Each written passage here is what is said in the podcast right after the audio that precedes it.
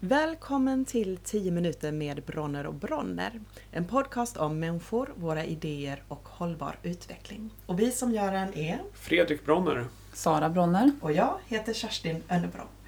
Och vad ska vi prata om idag? Idag ska vi prata om samhällsnytta. Mm. Om hur vi utvecklar idéer som faktiskt är nyttiga för hela samhället.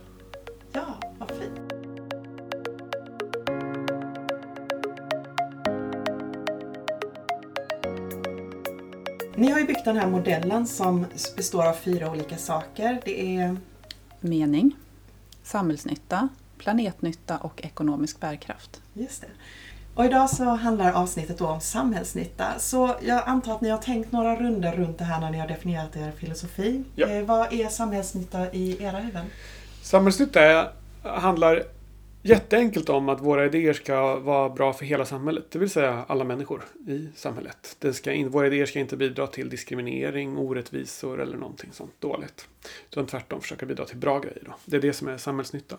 Det handlar egentligen om att om jag säljer en grej till dig så uppstår inte all, allt värde i bara transaktionen mellan dig och mig. Utan det ska också vara bra för de som är utanför oss, runt omkring oss i samhället.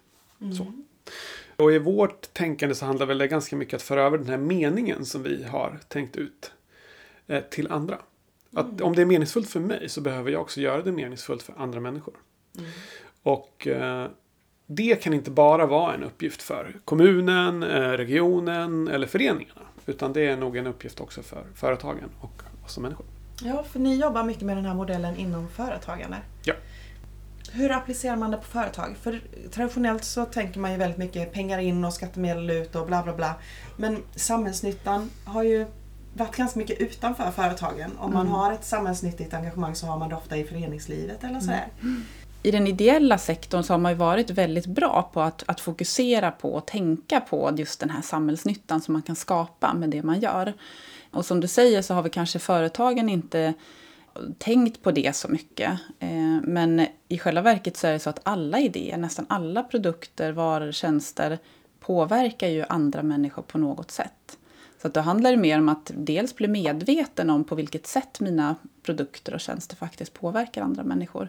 Men också inse vilka möjligheter som finns i att göra det ännu bättre.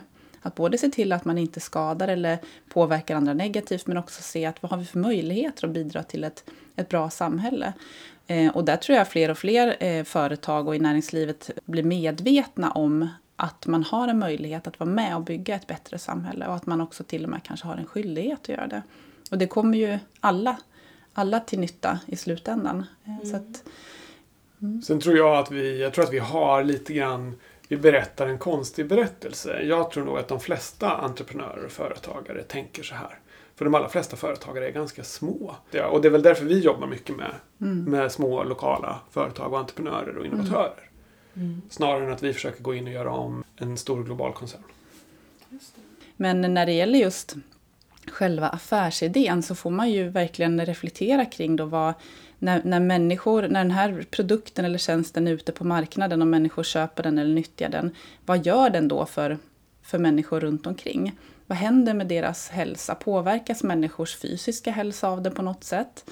Påverkas människors upplevda trygghet eller deras eh, känsla av tillsammanskap eller ensamhet? Det finns väldigt många olika dimensioner. Mm det kan man ju fundera över. Vi, man kan ju till exempel fundera över om man startar en, ett, nätkasino till exempel som är väldigt populärt nu. Vad gör det med människor? Det är ju inte en ekonomisk transaktion. Jag har en tjänst, det är många som köper den som kunder och det är liksom den ekonomiska aspekten utav det. Men vad händer med människor när de börjar använda den här tjänsten? De kanske blir fast i den. När de eh, isolerar sig, när de, deras ensamhet ökar. De kanske blir till och med spel, de som är spelmissbrukare kanske blir väldigt eh, ja, men påverkas väldigt negativt utav det. Och där har du ju liksom effekter mer på samhällsnivå när det är många som använder tjänster. Det är den typen av reflektioner man verkligen behöver göra. Just det. Så om vi försöker bli lite konkreta, vad är det man ska bygga in då i sitt företag? Vi har tagit fram ett antal steg då som vi gillar och eh, eller som vi gillar, som vi tror på ganska mycket för. För det handlar också om, man måste gå tillbaka, man kan också definiera samhällsnytta som vad det inte är. Att det inte räcker med att man betalar ut lön som sen blir skatt till någon annan. Det räcker inte. Utan det är nog lite grann som sa, det är nog typ allting annat som man gör i sitt samhälle som tar plats. Liksom. Traditionellt sett så har vi förknippat det med att man gör rätt för sig, betalar lön och man sponsrar ett idrottslag. då är man en stöttepelare i samhället. Och det behövs lite mer än så. Då. En sak som jag tänker som ligger mig varmt om hjärtat är att man behöver hjälpa människor att bli klokare. Mm. Bli kunnigare och visare. Liksom. Det är en sån gammal buddhistisk... Eh, och då kan det vara typ det här att man vågar vara mentor till exempel. Att man tar plats i sitt samhälle och delar med sig av den kunskap som man har arbetat upp. Jag funderar mycket på människors ensamhet och att vi är ju ganska isolerade från varandra, kanske mer än vad många önskar. Så jag tycker ju att, en, eh, att det är väldigt viktigt att man bidrar till att minska människors ensamhet eh, och öka tillsammanskapet, att man får människor att mötas. Att ens eh, idé på något vis för människor samman. Om jag ska ta något väldigt konkret exempel så tycker jag att det är den här resebyrån som en, en kvinna har startat som har som affärsidé att erbjuda resor för människor som är ofrivilligt ensamma tycker jag var ganska genialisk. Och hon är ju, som jag förstod det, från resebranschen och kan sin grej. Men har också tänkt på de här människorna som faktiskt inte har så lätt att åka på semester. Man har ingen att åka på semester med. Mm. Så startar hon en resebyrå som då sänker trösklarna för här bjuder hon tydligt in att det är ni som är målgruppen. Finns det fler sådana här mänskliga faktorer som man kan bygga in i affärsmodellen om man vill använda sådana ord? Men jag tror att man, om man utgår från det fina ordet tillit till exempel i hur man gör affärer. Litar jag på dem jag säljer saker till eller gör jag det inte? Eh, hur gör man det då? Ja men det handlar ju om att, jag ska ta ett så här larvigt exempel. Det finns, det finns en sån eh, myt, skröna, men den är säkert sann, att i Neapel på de flesta kaffebarer så finns det en svart griffeltavla hos baristan. Där jag kan köpa två koppar kaffe. Men jag vill ju bara ha en. För att det ska alltid finnas streck på tavlan. För de som för dagen inte har råd att betala för sitt kaffe. För det är så vi gör i samhället hänger ihop. På samma sätt tänker jag att om jag säljer vi ska öppna butik här och så kommer det någon som Du jag glömde min plånbok eller jag kan inte göra det. Är det okej okay om jag kommer tillbaka imorgon? Då kan jag välja två saker. Nej.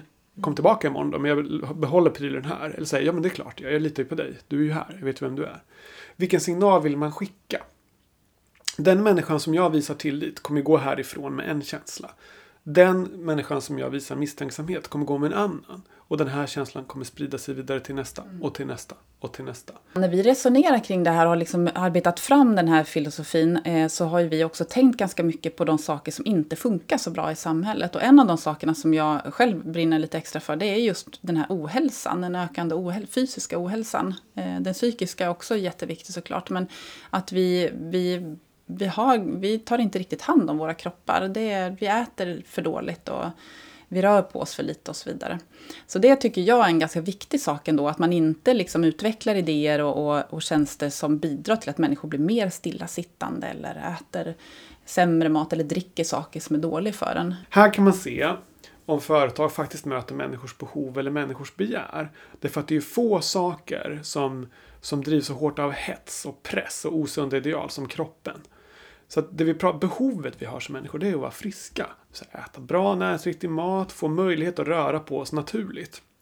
Men när det går över i hets, att vi ska käka massa proteinpulver, gymma sju dagar i veckan och vara skitsnygga på Instagram. Då tjänar man pengar på våran ångest. Och inte på att göra oss friska. Nu tänkte jag i slutet av avsnittet att vi kan bli lite personliga här. Så tänkte jag fråga dig Sara, vad är det mest samhällsnyttiga du har gjort? En av de sakerna som jag har gjort det är att jag har varit mentor åt en ung tjej som kom från Afghanistan. Eh, och under ett års tid så var jag mentor åt henne. Och var kanske den första vuxna svenskfödda personen som hon hade en nära kontakt med. Och jag tror att det året var, eller jag vet att det året var väldigt värdefullt för både henne och mig på så många sätt. Det känner jag var en fantastiskt bra sak som, som verkligen fler borde pröva. Mm.